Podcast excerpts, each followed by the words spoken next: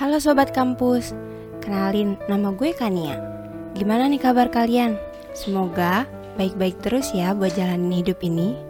Kali ini gue mau ngomongin toxic relationship.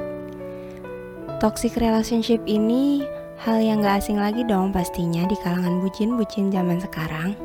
Anyway, buat kalian yang lagi pacaran atau enggak lagi ngejalanin hubungan apa pun sama seseorang Gak apa-apa dengerin aja ya karena ini bisa jadi pedoman kalian kalau kalian nanti udah punya pasangan. Karena menurut gue, toxic relationship itu harus kita hindari dari sebelum kita ngejalanin hubungan sama seseorang. Di sini gue mau sharing pengalaman gue aja, nggak usah jauh-jauh lihat pengalaman orang lain.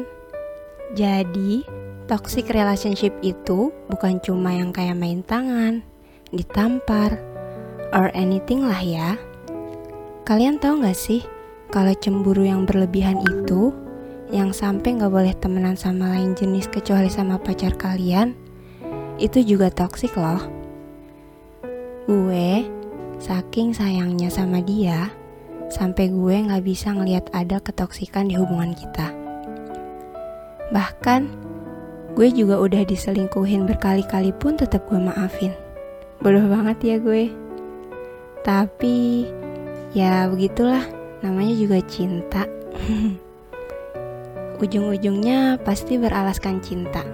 Yang padahal hubungan kita tuh udah gak seharusnya dilanjutin lagi. Kalian pernah gak sih ngerasa sering banget disakitin sama orang yang kalian sayang, tapi kalian gak bisa ngelepasin orang itu?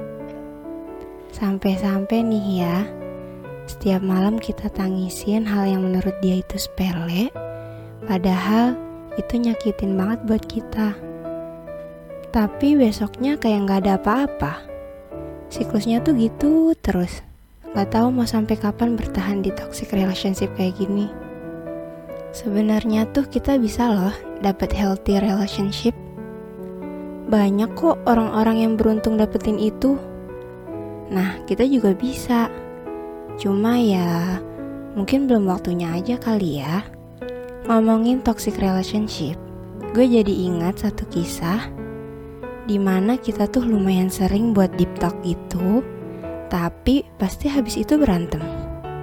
Ya karena gak sejalan aja antara pemikiran gue sama pemikiran dia. Dia yang pengennya waktu gue 24 jam buat dia ya walaupun gak sampai 24 jam sih. Tapi ya pokoknya tuh dia maunya waktu gue tuh cuma buat dia. Tapi kan gak bisa. Ya karena kan gue pasti punya kegiatan lain dong. Kuliah bersih-bersih rumah. Ya banyak lah nah di setiap kegiatan gue dia tuh maunya gue selalu ngelibatin dia. Nah di setiap kegiatan gue, gue tuh kayak harus ngelibatin dia gitu. Sambil video callan, atau bahkan nih ya, kadang-kadang dia ngelarang gue buat ngelakuin kegiatan gue sampai dia punya kegiatan yang menyibukkan dirinya. Tapi giliran gue ganggu kegiatan dia, dibilangnya gue gak bisa ngertiin dia. Gak adil kan? Makin ke sini, Hubungan yang hampir tiga tahun kita jalanin, ternyata hampir setengah perjalanan kita tuh isinya toksik ya. Bisa gak sih kita tuh gak saling adu ego gitu? Bisa gak sih kita lebih sama-sama ngerti satu sama lain? Karena gue maunya elu, aku maunya kamu.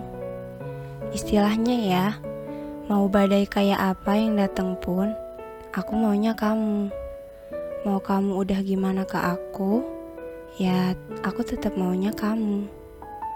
Aku tuh bego atau egois sih? Ya, aku cuma berharap hubungan kita bisa lebih dewasa dan lebih sehat lagi ke depannya. Buat sobat kampus di luar sana yang lagi dengerin podcast ini, kalau kalian lagi ngerasain hal yang sama kayak gue, Yuk semangat. Gue bahkan sangat amat berharap kalau kalian selalu dapat hubungan yang sehat. Jadi intinya hubungan gue tuh definisi sama lo sakit, tapi nggak sama lo lebih sakit. Hmm, mungkin segitu dulu kali ya cerita toxic relationship dari gue.